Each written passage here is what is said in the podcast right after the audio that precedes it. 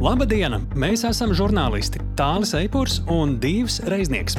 Mūs no sirds interesē, kas notiek Ukrajinā, kā notiekošais tur ietekmē notikumus šeit, kā mēs šeit varam būt noderīgi cilvēkiem tur. Lai labāk izprastu notiekošo, mēs dzenamies pakaļ personīgiem stāstiem, kas iemieso šo eksistenciālo cīņu. Mēs skaidrojam, ko globāla ziņu virsraksts nozīmē šeit, pie mums. Jo Ukraina cīnās ne tikai par savu brīvību. Ukraina šobrīd ir arī mūsu drošinātājs. Labrīt, labdien, labvakar, klausītāji un tāli sveiks! Sveiciens reizi nedēļā no podkāstu drošinātājs. 26. epizode, 26. epizode, 26. lielā saruna, 26. reize, kad sazināsimies ar Kristīnu Bērziņu Vašingtonā. Un arī man te tālāk ir sagatavotas dažas tādas nu, pavisam jokainas ziņas. Labi, kamēr mēs gaidām tavas jokainās ziņas, kuras patiesībā, kā jau vienmēr, ir eh, daļa joka, daļa patiesības un daļa arī nopietnības, jo šis ir podkāsts, diemžēl, par karu Ukrajinā. Bet katrā no mūsu epizodēm ir arī kāda pirmā reize. Un šoreiz, man liekas, mēs pirmo reizi būsim eh, tik tuvu frontes līnijai kā vēl nekad. Jā, nu pagaidi, pagaidi. Mums bija vīrs, kurš ar latviešu sagādātu auto iebrauca Hersonā. Mums jau bija latviešu māsiņa. Nu, patās mums bija autoservis, armijas autoservis uh, mehāniķis. Ah, nu tiešām. Mums vajadzēja 26 epizodes, lai nonāktu līdz pašai frontes pirmajai līnijai. Lai cik tas arī dīvaini neizklausītos, jo Ukraina ir liela un frontes pirmā līnija ir ļoti šaura zona, bet mēs tajā esam iekļuvuši. Mēs esam iekļuvuši sarunā ar Ukraiņu brīvprātīgu milzīgo karavīru, kurš vēl līdz tam ir aizstāvējis arī aplenkto Černīhivu, cīnījies Bahmutas pusē un ir gatavs cīnīties līdz okupantu patriekšanai. Tiesa vienlaikus arī ir diezgan kritisks par to, kā viss notiek Ukrainā un tās armijā. Jā, pavisam ne tāda sīrupainā intervija. Katrā ziņā interesanti, interesanti gūt tādu reālu ieskatu reālajā dzīvē. Bet sāksim mēs kā parasti Pieslēdzoties Vašingtonai, kur, kā vienmēr, Kristīna Bērziņa, drošības politikas eksperte, dos savu vērtējumu, mūsuprāt, trim ziņām, kas aizgājušajā nedēļā ir īpaši izceļams. Un šoreiz esam izvēlējušies šādas tēmas, ko Latvijai varētu dot Ziemeļvalstu lēmums veidot vienotus gaisa spēkus ar 250 kara lidmašīnām.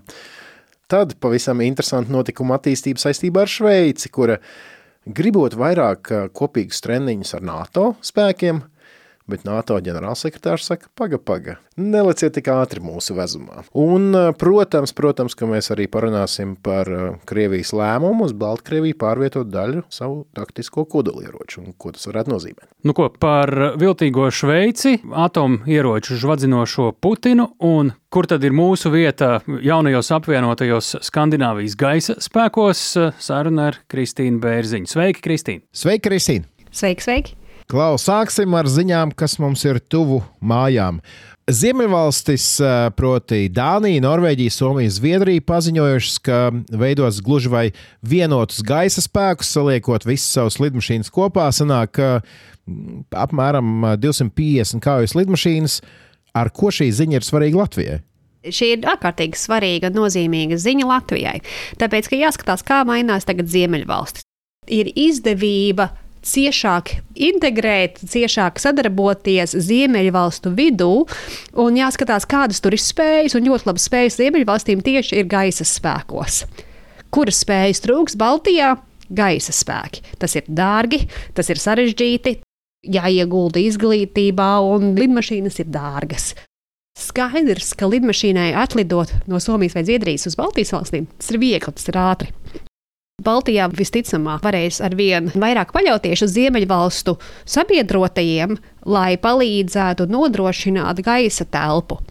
Un ņemot vērā, ka Baltijā nav lidmašīnu gaismasāku tādu, kādu ir Ziemeļvalstīs, un ņemot vērā, ka attālumi ir tik ārkārtīgi īsi, tad tas nāk reāli par labu. Tas pataisa NATO pusi, tas pataisa Baltiju, Baltijas jūras, visas valstis kopā pa stiprākām gaisa aizsardzības ziņā. Un kā jau mēs iepriekšējās nedēļās esam runājuši, ka gaisa telpa ir tā, kur nu, varbūt tās robežas drusku pārbauda, kur varētu visādi kādreiz būt. Tas ka mums ir super sabiedrotie ar labām spējām, kuri tagad savu saprāšanu par savu lomu paplašina nevis tikai attiecoties uz savām robežām, bet uz tādu lielāku, plašāku reģionu, tas nāks Baltijai tikai par labu. Nu, šī man vispār izklausās viena no pēdējā gada labākajām ziņām Latvijas drošībai. Man liekas, ka Zviedrijas un Somijas iekļaušana NATO ir vislabākā ziņa. Tāpēc, ka ārkārtīgi svarīgi ir Baltijas valstīm un arī Baltijas reģionam nebūt kaut kādā pelēkā zonā starp īstiem rietumiem, pēdiņās un Krieviju. Ir skaidrs, ir robeža. Un, ja mēs vienu lietu pēdējā gada laikā esam iemācījušies, ir tas, ka ir īsta NATO robeža.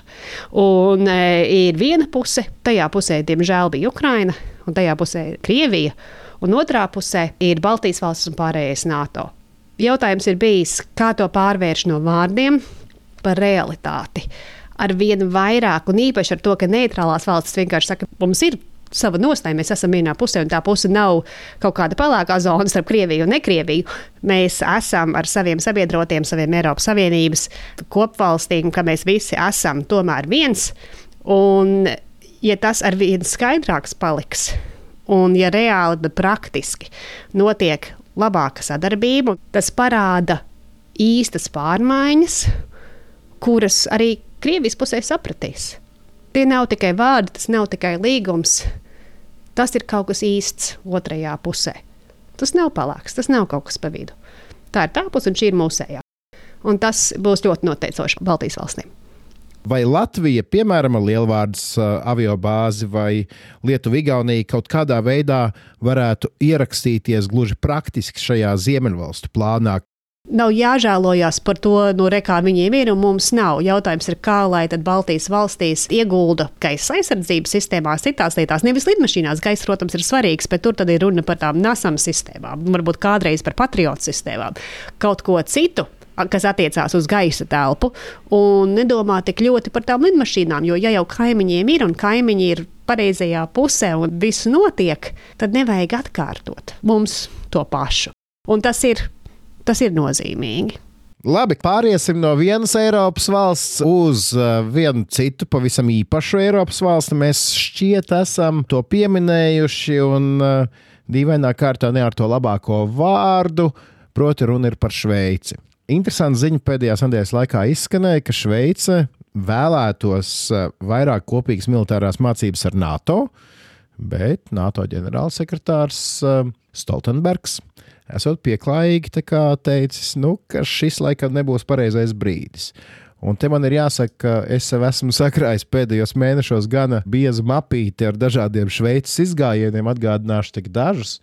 Piemēram, no pēdējām ziņām Šveice varēja teikt, atdot atpakaļ Lielbritānijai 60 uh, gaisa aizsardzības sistēmas, uh, ko viņi gribēja norakstīt, un viņi izvēlējās kā, iznīcināt, nevis nevis atdot um, Lielbritānijai, kur varētu savukārt tālāk nodot Ukrainai.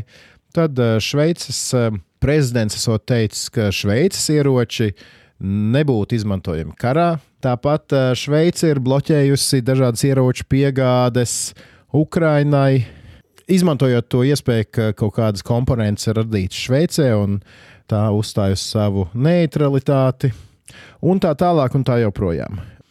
Nu, ko Šveice tagad saņem pēc nopelniem vai kā? Šveice ir centusies spēlēt divas spēles, gan NATO draugu, gan arī īpaši neizpalīdzīgu valsti Ukrainas konfliktā. Tas man izklausās pēc Baltkrievijas, kur arī ir grūti spēlēt divas spēles. Kur, kur divas vienmēr. spēles, bet to, tās divas spēles ilgi nevar arī spēlēt, un, un to arī tagad Šveice sāk saprast. Šī saruna starp Stoltenbergu un Šveici notika sakrā ar to, ka pirmo reizi Šveices aizsardzības ministrs piedalījās uh, NATO sarunās. Šveice ir bijusi svarīga uh, sadarbības valsts. NATO Šveice ir sūtījusi savus karavīrus uz uh, Kosovu, Kosovas drošības misijās, piedalījusies. Tādēļ nav jau tā, ka Šveice neko nedara, bet Šveice ir ļoti izvēlīgi piegājusi šim jautājumam un centusies tikai cik vēlās. Kara laikā nevar būt tik izvēlīgi un nevar tik cimperlīgi uzvesties. NATO valsts ļoti labprāt gaidītu Šveici, bet Šveicē ir vispirms jāsakārto šo ieroču bremzēšanas problēmu. Tā arī Stoltenbergs sauc par problēmu, ka nevar tā bloķēt eksportu, nepiedalīties un sagaidīt kaut ko vairāk no NATO. Vai nu grib, vai negrib. Un, ja tiešām grib, tad nu, ir kara laiks un ir nepieciešama cita pieeja. Jautājums, vai Šveices uh, vadība un vai šveicieši ir gatavi uz to. Paskaties, Ziemeļvalstis, nu bez jautājumiem, nolēma, ka neutralitāte tas nebija pareizi, un Šveice Nu, ja būtu jāizvēlās, man jau liekas, ka izvēlētos tomēr NATO pusi. Bet cik vien ilgi Šveice būs spējīga spēlēt abas spēles, tas arī attiecās uz Ķīnu. Cik vien ilgi varēs tā turpināt, Šveice visticamāk arī turpinās. Bet nu, izskatās, ka tas nemaz nav vienmēr tik viegli, cik tā vēlētos. Nu jā, un mūsu trešā tēma pavisam tuvu Latvijas robežām. Krievija ir paziņojusi, ka Baltkrievijā izvietos taktiskos kodolieročus. Tos kontrolēšot un vadīšot tikai Krievijas valdība.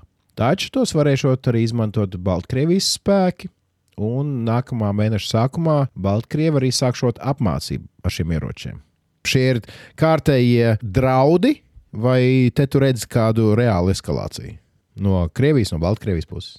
Pirmais jautājums, cik lielā mērā Baltkrievija tiešām ir neatkarīga valsts strateģiskos jautājumos, un par to jau ir bijis ļoti liela jautājuma vairāk nekā gadu. Un vēl vairāk kopš iepriekšējā Baltkrievijas prezidenta vēlēšanām, kurās reāli Lukašenko zaudēja, bet uh, vēl joprojām sēž prezidenta krēslā. Kopš tām vēlēšanām, ja Lukašenko cenšas būt pie varas, tad cena tam ir bijusi, ka ir jābūt lielā mērā Krievijas padotībā, ja skatās to, kur, kur notiek Krievijas arī karavīru mācības, no kurienes var iebrukt Ukrainai, tad eh, Baltkrievijas spējas atteikties no kaut kā izskatās ļoti mazas, un vai Likušenko ir vēlma atteikties. Tādēļ jau vairāk nekā gadu ir bijis jāskatās uz Baltkrieviju nevis kā valsti, kur spēlē abās pusēs, bet reāli Baltkrievija ir daļa no Krievijas drošības telpas šobrīd. Jā, bet kāpēc Krieviem šajā brīdī ir šis solis jāspēr? Tas parāda Krievijas tautai pašai un arī tālākai pasaulē, ka Krievija redz, kā tomēr ir spēcīga valsts. Tāpēc, ka pēdējā gada laikā ir ļoti daudz sarunas bijušas par to, ka militārie spēki Krievijā īstenībā ir švaki, neveiksmīgi un ka no tiem nav jābaidās. Un Krievijas nolūks vispār šajā visā kara darbībā ir, lai radītu bailes visā pasaulē. Nu, ar kodolieročiem var radīt lielākas bailes, es saku, ka tas arī Vācijā vienmēr ir stipri efektīvi, tāpēc ka vācieši kaut kā ārkārtīgi baidās no kodolieročiem. Un, ja, ja vēlme ir iebiedēt, un ja vēlme ir parādīt, ka nu, neviens nevar maisīties, tad, protams, tas ir Putina interesēs, un tikpat arī Lukašenko interesēs. Bet eh, vēl joprojām uzskats, ka Krievija varētu izmantot taktisko kodolieroci, vēl joprojām neliekās, ka tas būtu arī tādēļ, ka Ķīna to ļoti nevēlas. Tāpēc man liekas, šo taktisko kodolieroču aizsūtīšanu uz Baltkrieviju šis viss jautājums drīzāk līdzinās prezidenta Putina jau agrākā prezidentūras laikā gājieniem eh, bez krakla jāter zirgu un rādīt savus muskuļus. Nu, tas apmēram tas pats ir kodolierocis, tas ir līdzīgi. Bet uh, īpaši Ķīnas dēļ man liekas, ka nevajag pārāk satraukties par arī to pielietošanu. Summējot šo jautājumu, tātad Krievijas uh, lēmums izvietot taktiskos kodolieročus Baltkrievijā, tas ir politisks vai militārs lēmums pirmām kārtām? Es teiktu, ka tas ir politisks lēmums, tāpēc ka nepieciešamība izmantot un arī labums no taktisko kodolieroču pielietošanas kara laukā ir ārkārtīgi minimāla, bet politiskais signāls par to, ka Krievija tomēr ir stipra un Krievija nevajag dorakstīt, un vēl jau vairāk Lukašenko cenšas nostiprināt sevi, tad tas ir tīri politiski ārkārtīgi izdevīgi abām valstīm, bet e, militāri, nu, ne, nav. Labi, paldies, Kristīna. Tas šai reizē arī viss. Tiekamies nākamnedēļ. Tiekamies pēc nedēļas. Atā.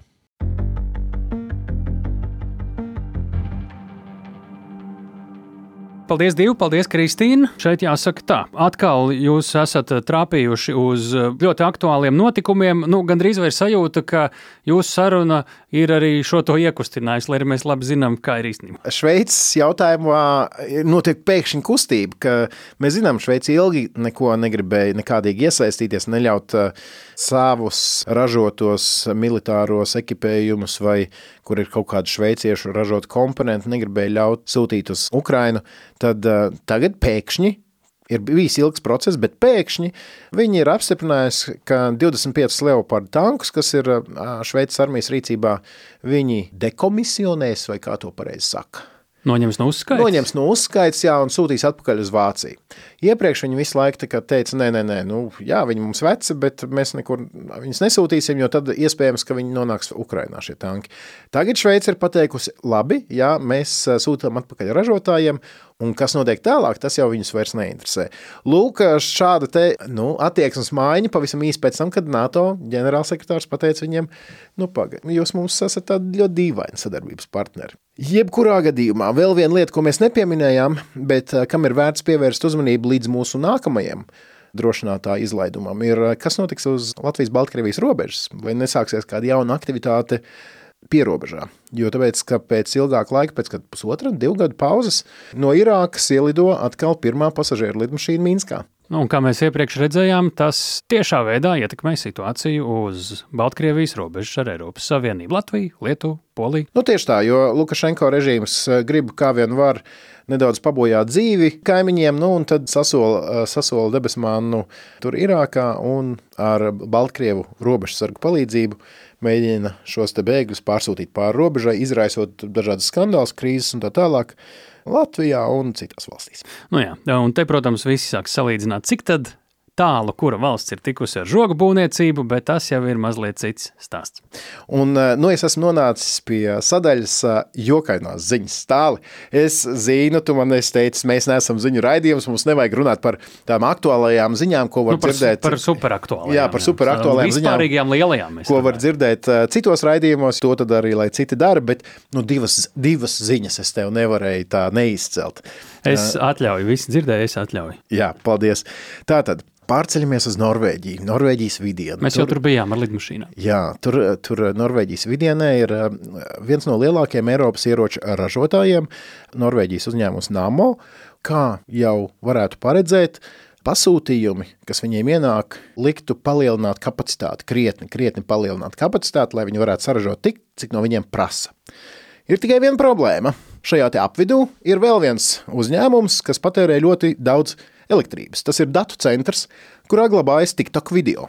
Kurā glabājas TikTok? Nu jā, proti, nu, jā, TikTok. tas ir visi tie dejošanas, dejošanas kaķīši. Influenceri, sarkanāki un mazāk sarkani. Tieši, tieši tā. Un, kā pateicis šīs militārās rūpnīcas direktors, mūsu izaugsmi kavē kaķu video krātuve. Bet burtiski. Bet, bet tiešām burtiski, tāpēc, ka viņiem vajadzētu vēl elektrības, lai viņi varētu palielināt to savu jaudu, bet vienkārši tur tajā konkrētajā vietā nav pieejama vairāk elektrība, jo tāpēc, ka tur ir lūk šie divi lielie mega elektrības patērētāji, un tur vienkārši nevar šobrīd piegādāt vairāk elektrību. Otra lieta.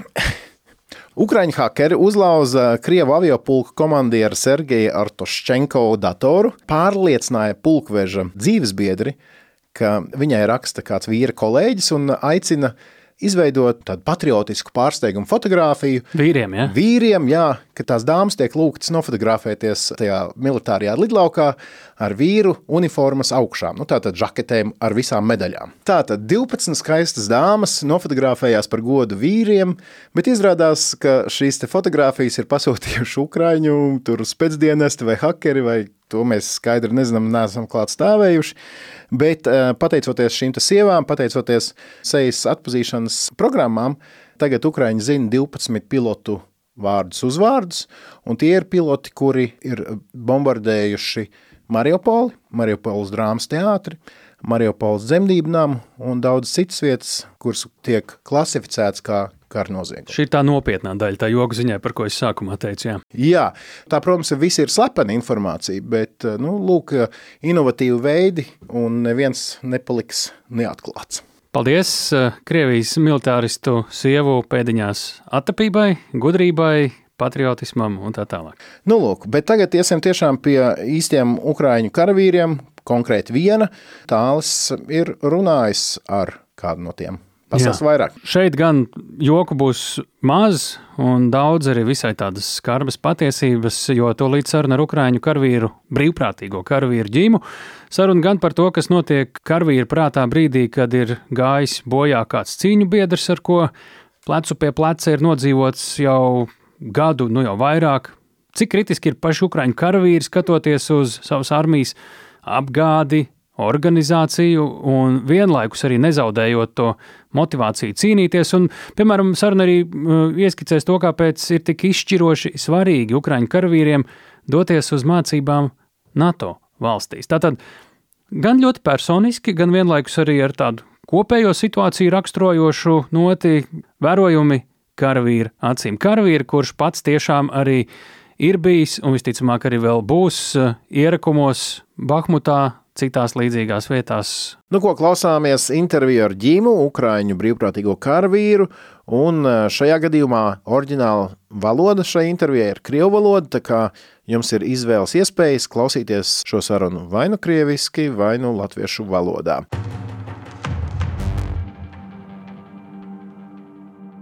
Доброго дня, добрый день, лабден, познакомимся. Э, на данный момент я являюсь сержантом в вооруженных силах Украины, доброволец, то есть до этого я не был военным, э, работал в IT-сфере.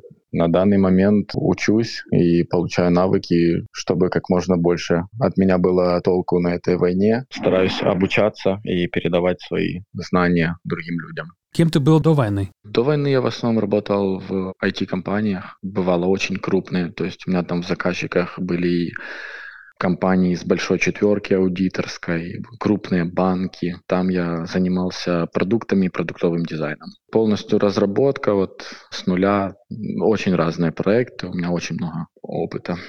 То есть у тебя уже был опыт войны или нет? До 24 февраля не было опыта войны. Я как бы интересовался всякими милитарными вещами, оружием, то есть тактикой, чисто из-за своего интереса. Вот. А именно военнослужащим я не был. И после 24-го? Я пошел добровольцем, потому что я сам из Чернигова, самый северный город Украины, и, получается, российская армия как раз э, заходила через нашу область, и мы, скажем так, одни из первых должны были отразить их атаки и, соответственно, стать на защиту Украины. Как ты участвовал в этом сам? 24 февраля э, я вообще устроился как бы на новую работу. У меня должен был быть первый рабочий день в новой компании.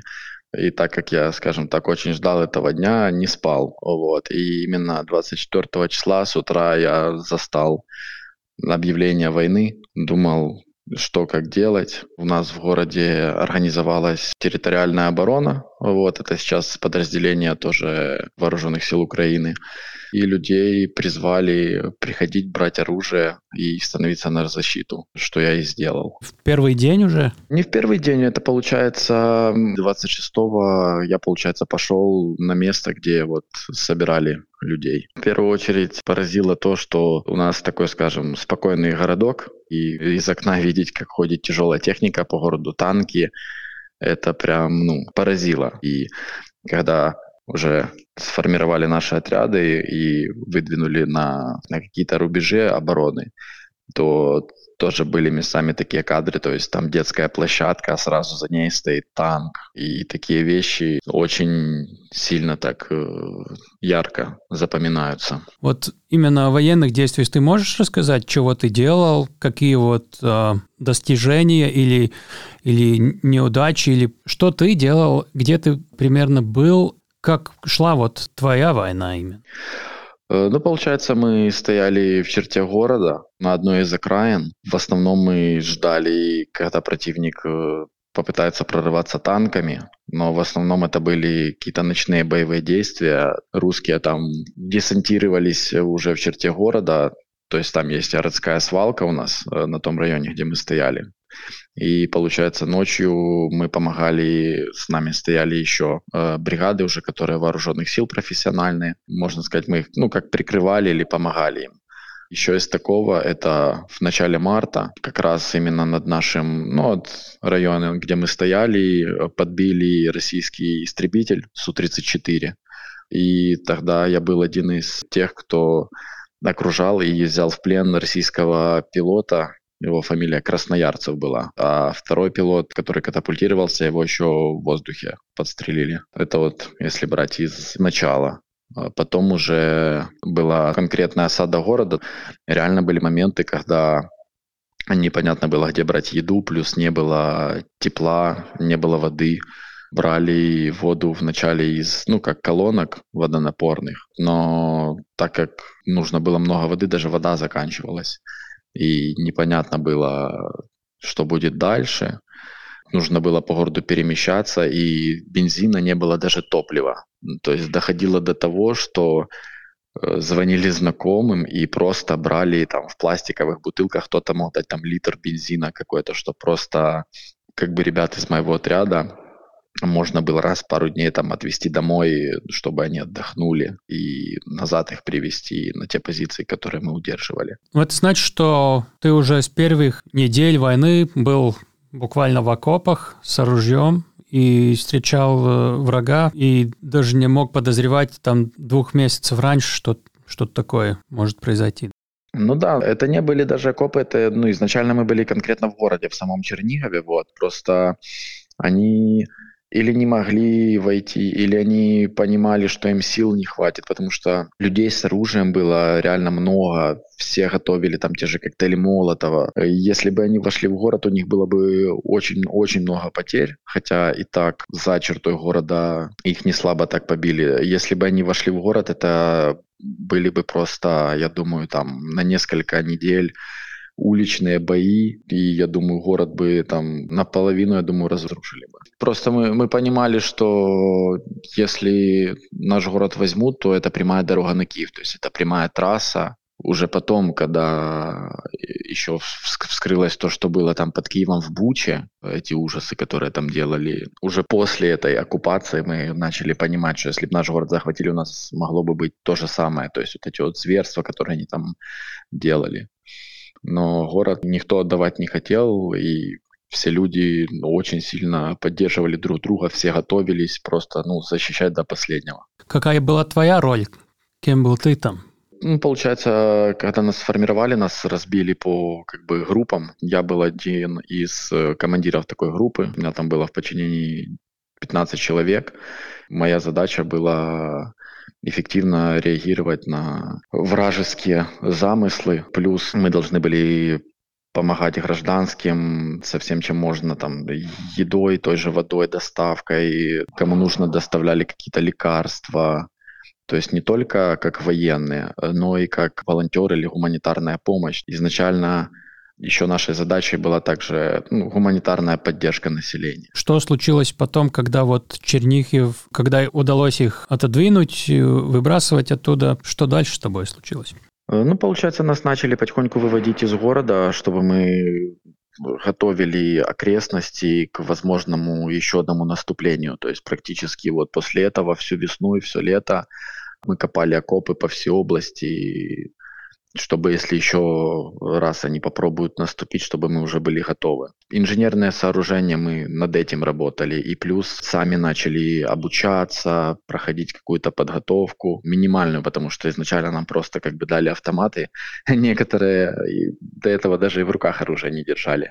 Поэтому у нас э, были какие-то минимальные учения, экипировку искали, потому что изначально, ну, тоже ничего этого не было.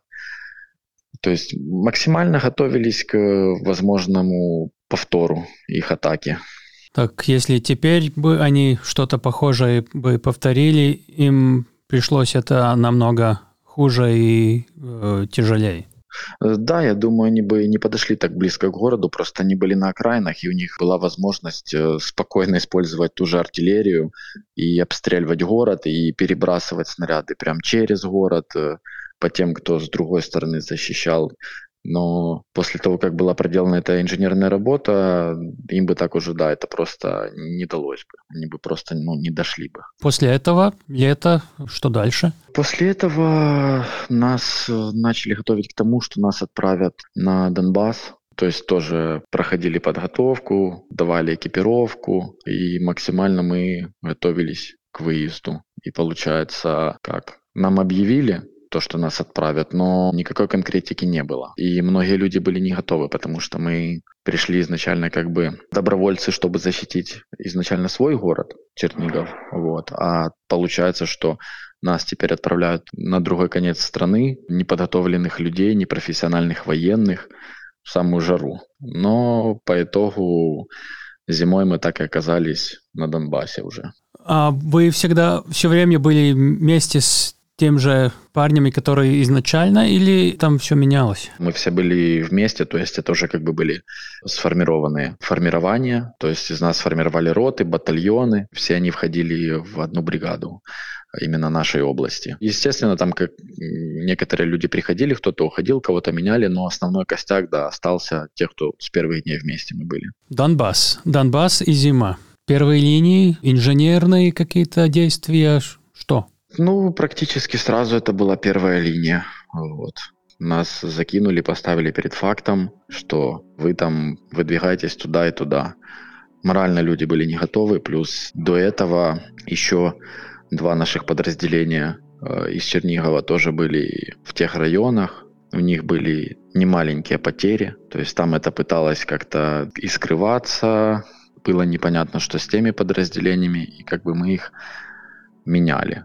То есть мы ехали и сами не понимали куда. Не знали, как готовиться, не знали, что с собой брать. Чуть ли не ехали не на своем транспорте. Ну, по факту так и было, потому что там ну, большая часть транспорта это были волонтерские автомобили, которые уже на то время нам, нам помогли получить. Ты сказал эту фразу «не были готовыми». Я это понимаю, не были готовыми вот насчет экипировки, может быть, чего лучше брать, чего не брать с собой. А ментально может быть человек готов идти на первой линии первый раз в жизни?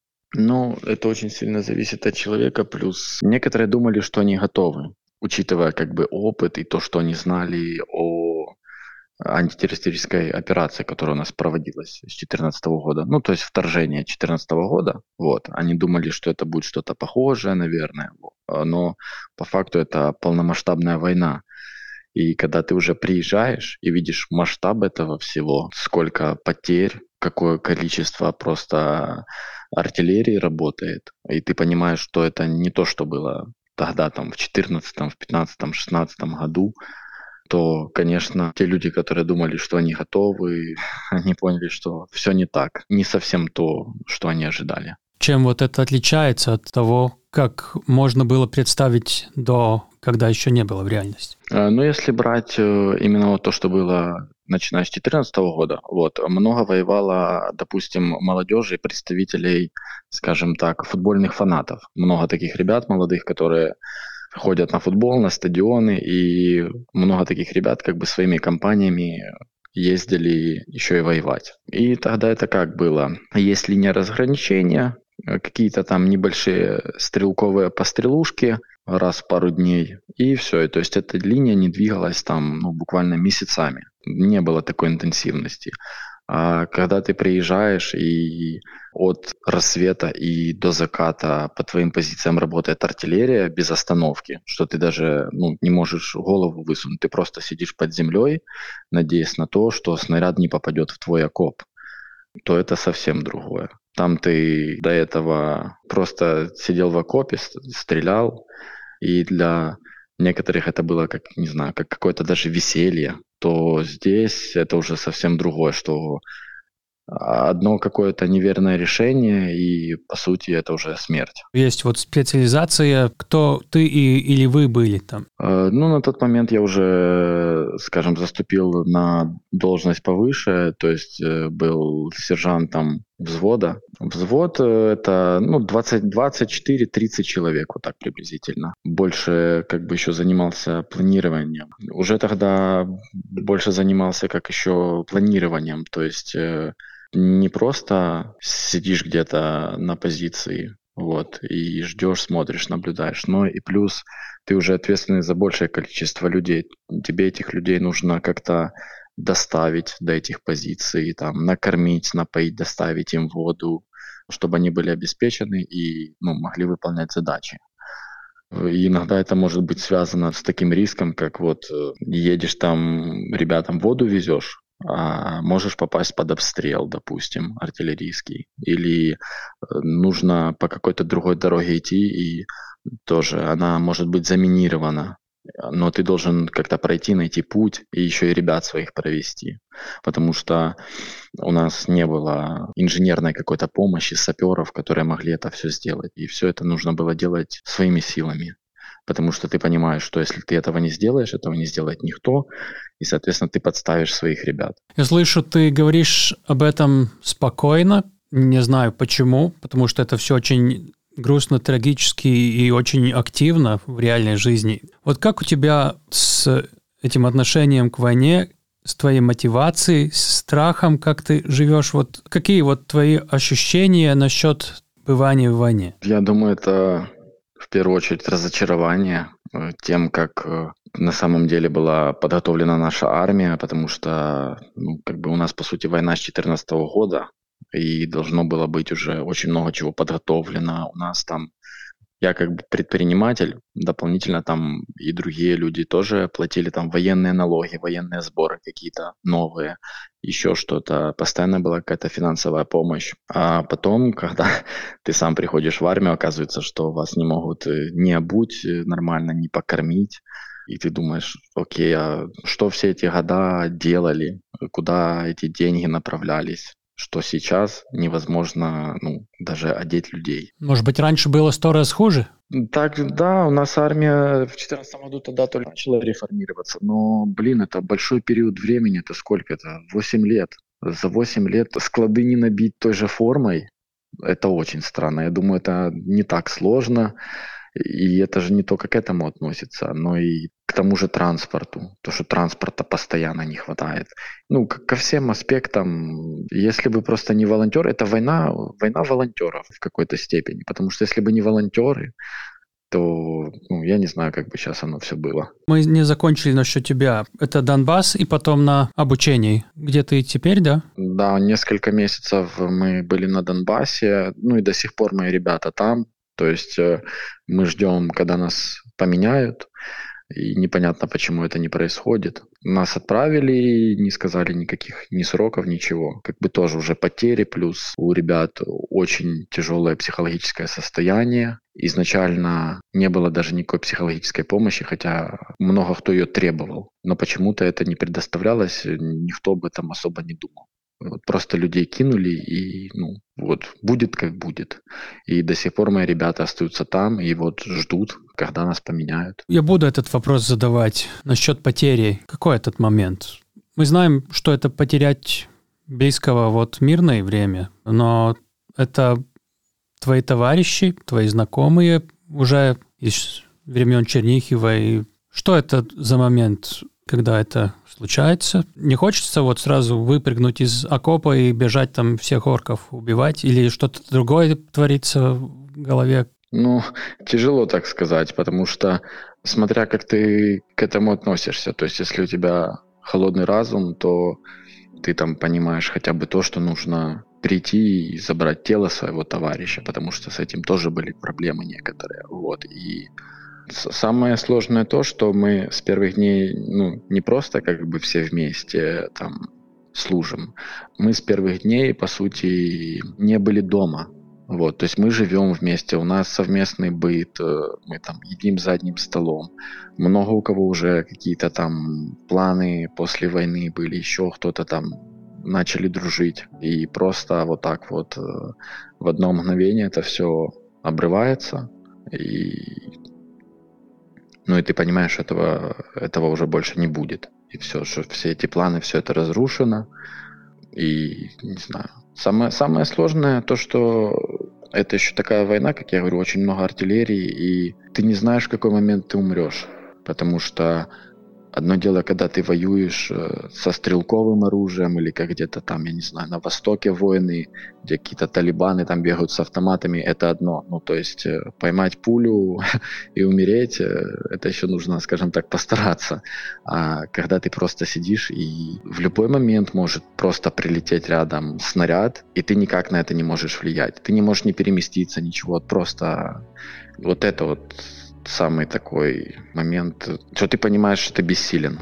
Там, где мы воюем, у нас очень мало каких-то возможностей, и поэтому ну, ты уже начинаешь понимать, что любой момент, любой день ты можешь кого-то потерять. Что может быть то, что мы в Латвии здесь насчет ведения войны, насчет жизни армии, что у нас тут э, остается намного меньше э, известным, и чего меньше замечаем, но что все-таки важно и что неотъемлемая часть этого всего есть вещи, которые мы не видим.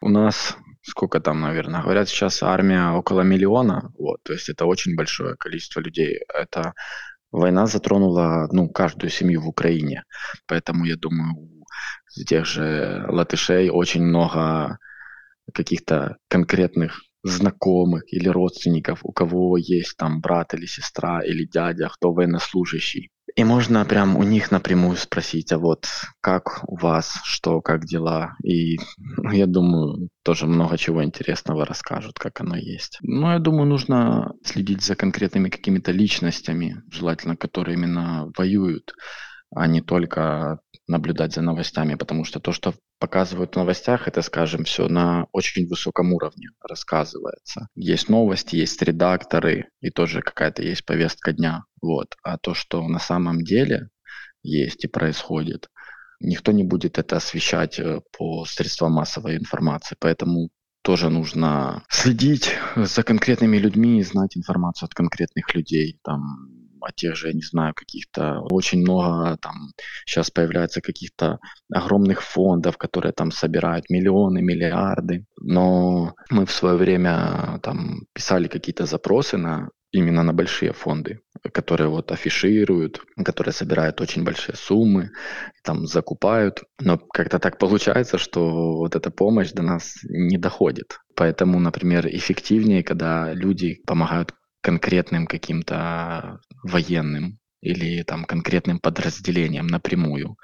Когда, извини, когда ты сидишь там где-то на фронте и читаешь, что там тысячи дронов покупаются, там какие-то сотни автомобилей, а у тебя, ну, по факту бывает, что нету машины даже, ты, ты не знаешь, сможешь ли ты эвакуировать раненого, потому что те машины, которые у тебя есть в наличии, там волонтерские, они тоже, их надо обслуживать, они, ну, не в лучшем состоянии. И ты, ты не знаешь, сможешь ты это сделать или нет. Возникает очень много вопросов, куда оно все идет. И потом, когда ты начинаешь общаться с ребятами из других подразделений, у них тоже схожая ситуация. У них тоже чего-то не хватает. Это постоянно. Мы очень много чего вот плохого, даже трагикомического э, слышим о русской армии. Насчет морали, снабжения и насчет вот этих всех преступлений тоже и цену жизни человеческой. Совсем другое впечатление до нас доходит насчет украинской армии. В соцсетях, новостях мы видим много видео э, с хорошими попаданиями. Я понимаю, что дело еще в том, что много людей боятся об этом говорить. Мне кажется, это на каком-то психологическом уровне, вот если взять там постсоветское пространство и там те страны, которые, скажем, ближе после распада Союза были к России, они пошли в Европу, у них на национальном уровне это изначально вот было какое-то такое вот боязнь, да, страдание. То есть в Украине это был переломный момент, когда у нас был Майдан, вот, и люди осознанно вышли, показали, что нельзя просто так нас прогнуть. Но все равно есть таких очень много моментов, что люди ну, боятся о чем-то говорить. Потому что у нас тоже там могут сразу сверху там сказать, что вот так говорить нельзя, а так можно, или там прикрыть рот, то тоже присутствует. Я посмотрел твой Инстаграм, там в постах немного о войне, но в сторис иногда появляется что-то такое, где проблема, так скажем. Там, например, вот избивание украинского военного от его командира. Да, ну, как я и писал у себя, что этот инцидент замнут, его замяли. Вот, в итоге этого командира просто там, по-моему, под домашний арест. Ну, вот так оно и происходит. Почему я меньше стал постить? Э, потому что тоже были моменты, что, скажем так, меня попросили сильно не распространяться. Может быть, это может понять, чтобы, так как сказать, враг не видел? У нас в чем еще проблема, скажем так, ой, как бы это таким словом назвать? Наши повестки дня в том, что изначально везде трубили, что мы воюем там с какими-то чмобиками, бурятами, у которых там, я не знаю, чуть ли не, не деревянные автоматы. Да, это, это присутствует, э, несомненно. То есть в начале, когда Россия заходила, и они заходили мобилизированными там пацанятами, да, это были буряты и все. Но сейчас взять, ну, тех же там вагнеров, ну, извините, они очень хорошо экипированы. То есть я видел, в чем они одеты, какая у них экипировка. Это не какие-то чмобики. Мы должны понимать, что мы воюем с профессиональной армией. И не только с профессиональной армией, а с конкретными наемниками, которые, ну, мотивированные профессионалы, которые приезжают сюда зарабатывать деньги. И вот в этом проблема. То, что вначале всем вбивали в головы э, у нас, то, что мы вот воюем с какими-то там отставшими, я не знаю, там якутами и то и все. И поэтому много кто расслабился. Если начинается где-то что-то всплывать, что оказывается это профессиональная там армия, ну или кто-то говорит, что вот они хорошо воюют, то ну на этого человека, извини, начинают чуть ли не тыкать пальцем и говорить, ты что, дурак, типа мы ж, мы ж воюем, он они стиральные машины воруют. Как они могут быть профессионалами? Там тоже хватает, ну, очень таких довольно сильных бойцов. Как ты видишь, как будет развиваться война? Потому что мы все слышим, ты читаешь, ты очень хорошо интересуешься всем этим, ты был на месте. Сейчас все будет зависеть от нашего контрнаступления. Я думаю, что, я надеюсь, что удастся очень сильно отбить русских. То есть непонятно еще, как это будет происходить, или это будет наступление по востоку, или все-таки до Крыма но мне кажется, что мы тут должны будем выложиться по полной, потому что там Европа и партнеры ждут от нас результатов,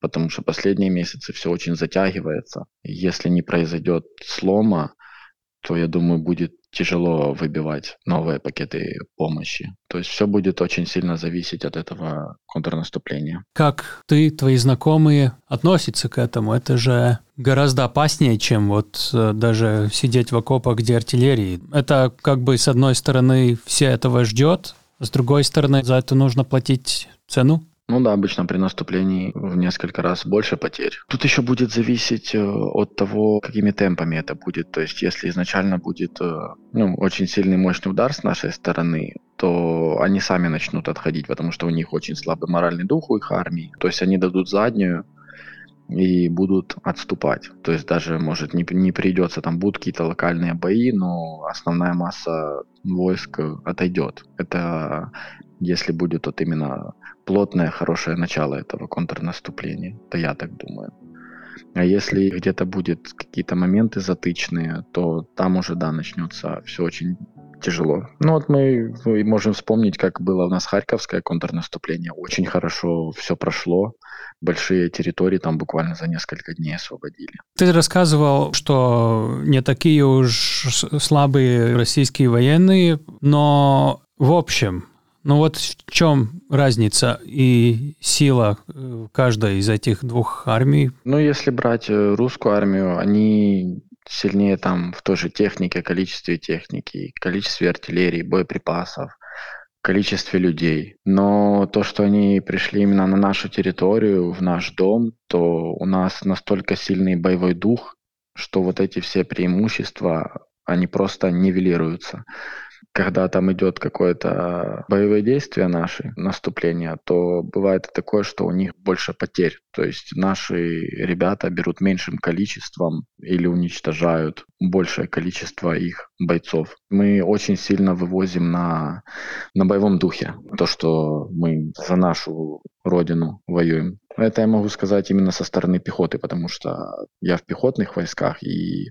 окружают нас тоже пехотные подразделения, у которых там нету техники, авиации. Как насчет других я сказать не могу, потому что я с ними просто не сталкивался. И этот дух, мы говорили насчет не таких уж хороших вещей несколько минут назад. Все же этот дух не ломается. Я думаю, что все уже просто понимают, что надо додавить до конца, и просто нет варианта сейчас сдаться или сломиться.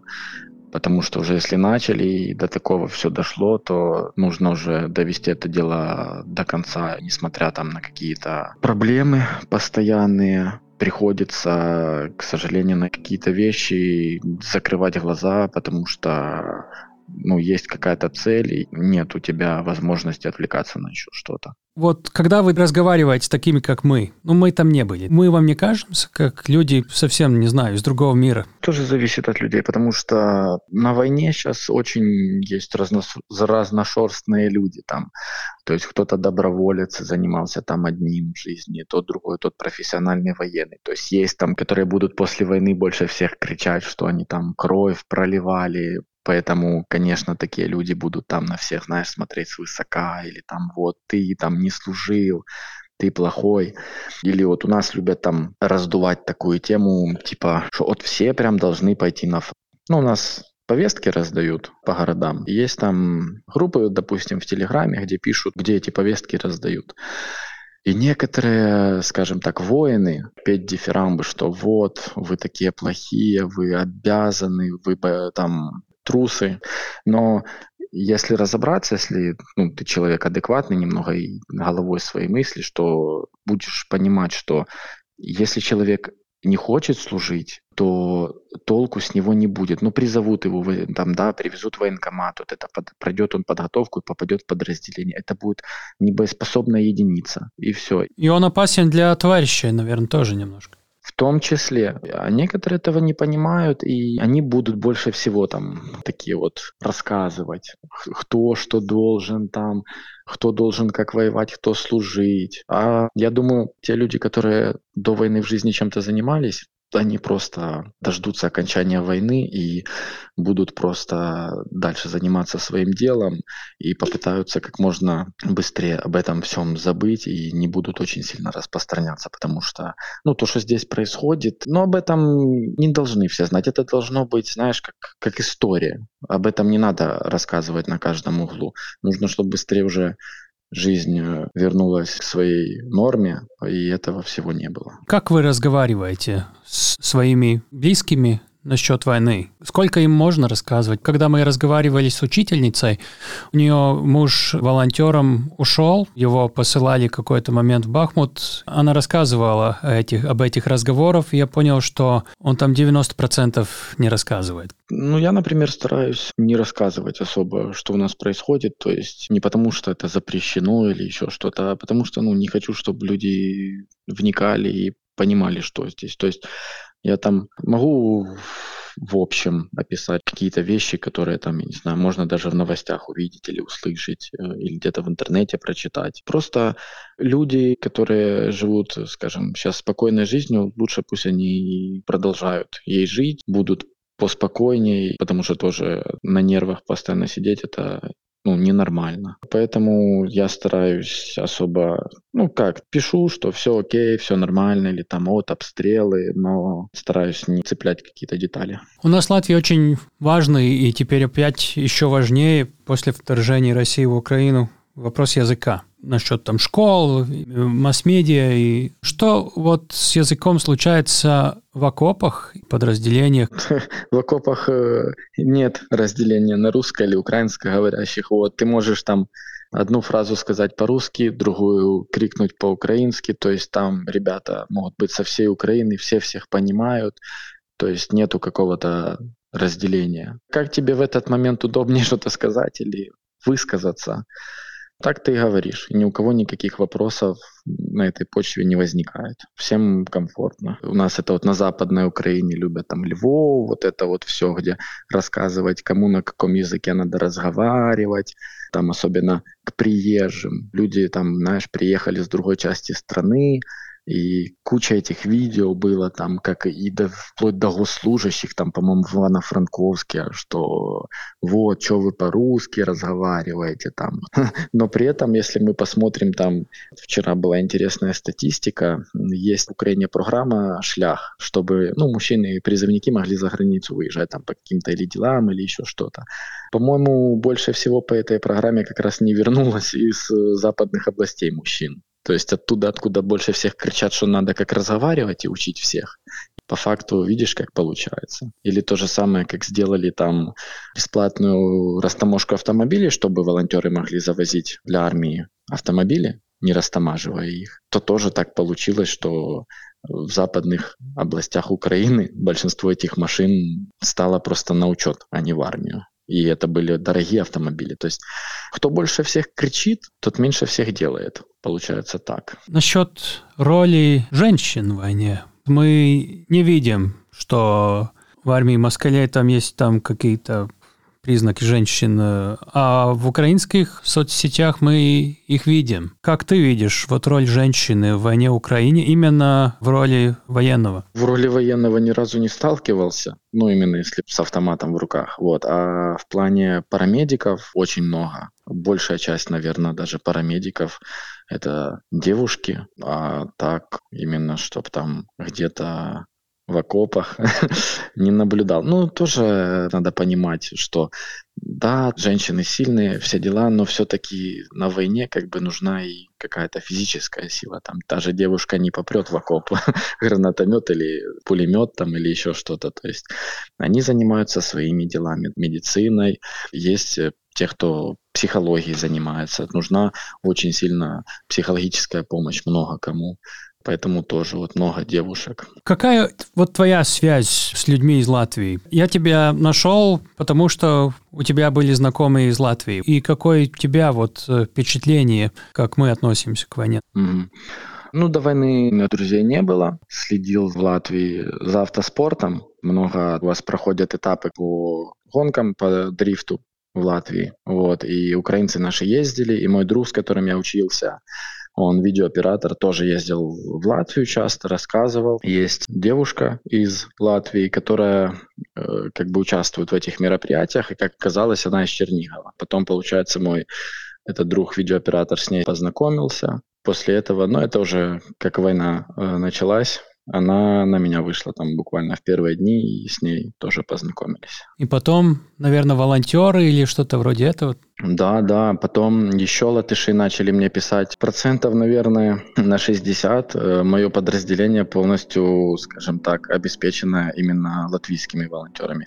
Автомобилями это полностью, это именно латыши. Очень много автомобилей нам привезли. Потом одежду, экипировку, очень-очень много. То есть вот, ну, реально просто все, что нужно, всегда, постоянно, вообще без вопросов. И, и даже сейчас спрашивают постоянно, что нужно.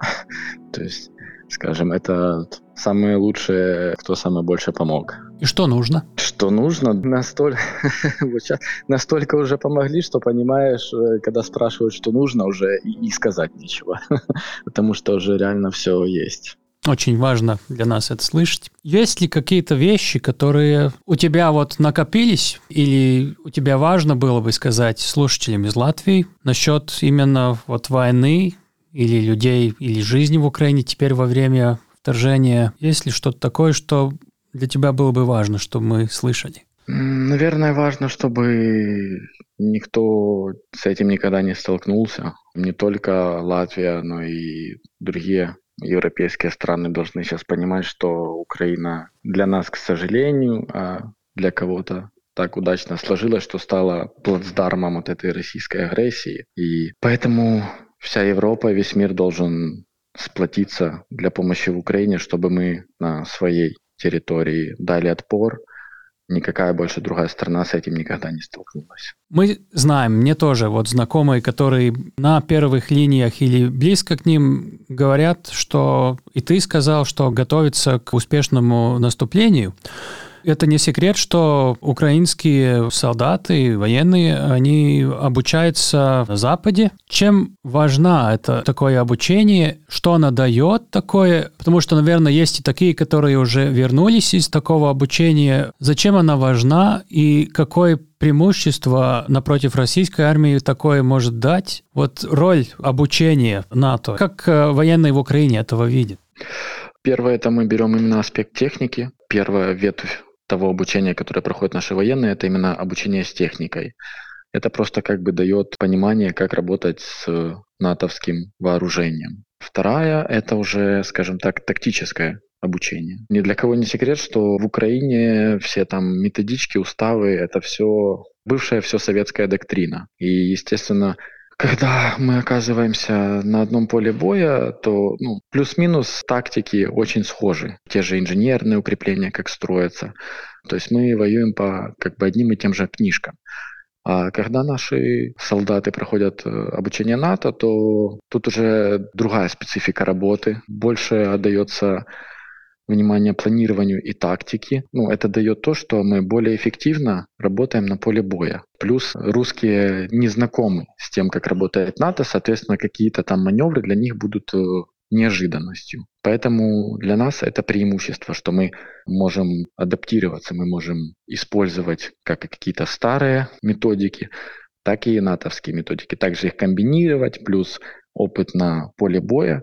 И, соответственно, у нас получается своя такая тактика эффективной борьбы на поле боя. И это значит, что Украина и Запад знают, как воюет Россия, но Россия намного меньше понимает, как воюет по натовским принципам, да? Да, естественно. Плюс, ну, можно сказать, что у их солдат слабее способность к обучаемости. То есть, если они даже там будут распространять какие-то методички новые, они ну, не смогут так эффективно подготовить солдат к новым каким-то тактикам, которые наши воины получат э, за границей. Есть ли какой-то вот пример, где вот появляется это преимущество? А то мы так теоретически говорим, это лучше, это эффективнее, но вот есть ли какой-то пример, которого можно привести, чтобы понять это немножко лучше? Ну, это даже относится к каким-то базовым вещам, то есть э, как, например, по натовским стандартам мы перемещаемся. То есть, если там, да, взять какую-то русскую армию, то они там чуть ли не как во времена Второй мировой бегут, сломя голову и начинают стрелять, то по натовским стандартам мы уже это делаем все более аккуратно, то есть кто-то перемещается, кто-то прикрывает группу, которая перемещается, соответственно, там мы всегда можем держать какую-то плотность огня, но при этом ближе к противнику подходить. Соответственно, если они сидят в окопах, то они даже ну, не могут свои головы поднять, потому что идет огонь, но мы как бы приближаемся ближе. А они же могут просто толпой выскочить из окопа и начать бежать в атаку. То есть хороший пулеметчик для него это просто как легкая мишень. Целый отряд вот так вот положить. Ты видел такого с своими глазами? Ну, нет, с таким я не сталкивался. нет, нет, я с таким не сталкивался. Но э, ну, на видеозаписях я видел такие атаки, но вживую нет, не сталкивался. Самый последний вопрос. Мы всем это спрашиваем. Чего именно тебе пожелать лично? чтобы война быстрее закончилась и вернуться к работе, к нормальной жизни, да поехать уже в отпуск. Мы очень благодарны за этот разговор. Я думаю, для нас как бы многие вещи или часть вещей, которые мы от тебя слышали, это очень важно как подтверждение из человека, который совсем внутри этого всего был и будет. Спасибо тебе. И вам тоже спасибо большое. Paldies, es biju Ģima, Ukrāņu karavīrs un tāls epurs, latviešu žurnālists, mans kolēģis. Paldies, tāl! Paldies, Dīva! Un paldies arī Montai Vecozolē, jo tieši viņa mūsu raidieraksts 16. epizodes viešņā mūs ar Ģimu iepazīstināja. Un varat vienreiz minēt, kā viņi ir iepazinušies, ja zinām, ka šīs epizodes ieraksta laikā Monta atkal kārtīgi reizi ir devusies ar kārtīgi palīdzības kravu uz Ukrainu. Un, protams, ka paldies arī pašam ģimam, kurš piekrita sarunai, jo nu, nav tā, ka daudziem būtu drosme pateikt to, ko mums pateica ģimene. Šīs nav lietas, par ko Ukrainā plaši arī runā, lai arī, protams, tie, kur meklē to informāciju, arī atrod. Jā, nē, nu, karavīri arī ir tā cilvēku grupa, kur ne visi var runāt vismaz ar savu vārdu uzvārnēm. Starp citu par Ukraiņu karavīriem runājot, Pirms kādām pāris nedēļām, laikam, izskanēja, zin, par ko bija visvairāk pārsteigti amerikāņu uh, instruktori, kuri ap, pašā Amerikā apmācīja ukrāņus, kuri centās apgūt, nu, precīzāk, apguva uh, patriotu uh, sistēmu, raķešu sistēmu. Nu, iedot kādu palīdzi man minēt, vismaz, nezinu. Atbildi meklējam virtuvē. Cik daudz viņi ēd? Uh, ko viņi ēd? Nu? Uh, precīzs amerikāņu citāts bija They are very soup-centric people. Boršs, soļānka, proti, ka, proti, tas, ka Ukraiņi ir ļoti fantastiski motivēti apmācāmie, to mēs dzirdam no visām pusēm. no amerikāņiem, no britiem, no vāciešiem un tā tālāk un tā joprojām. Viņi sit visus apmācību rekordus un tam līdzīgi, jo viņiem tas mērķis ir ļoti skaidrs.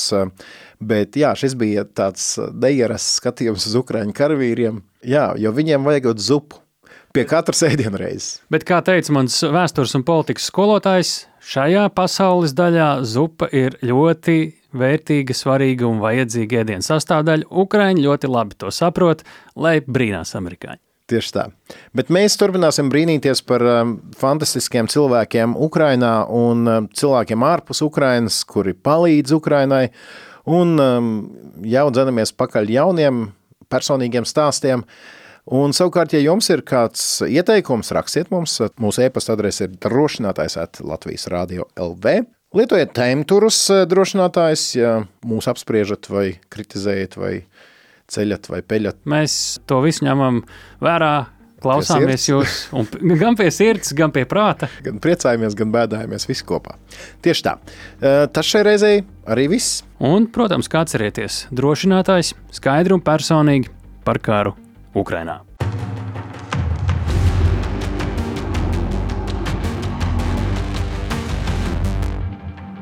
Raidieraksts drošinātājs.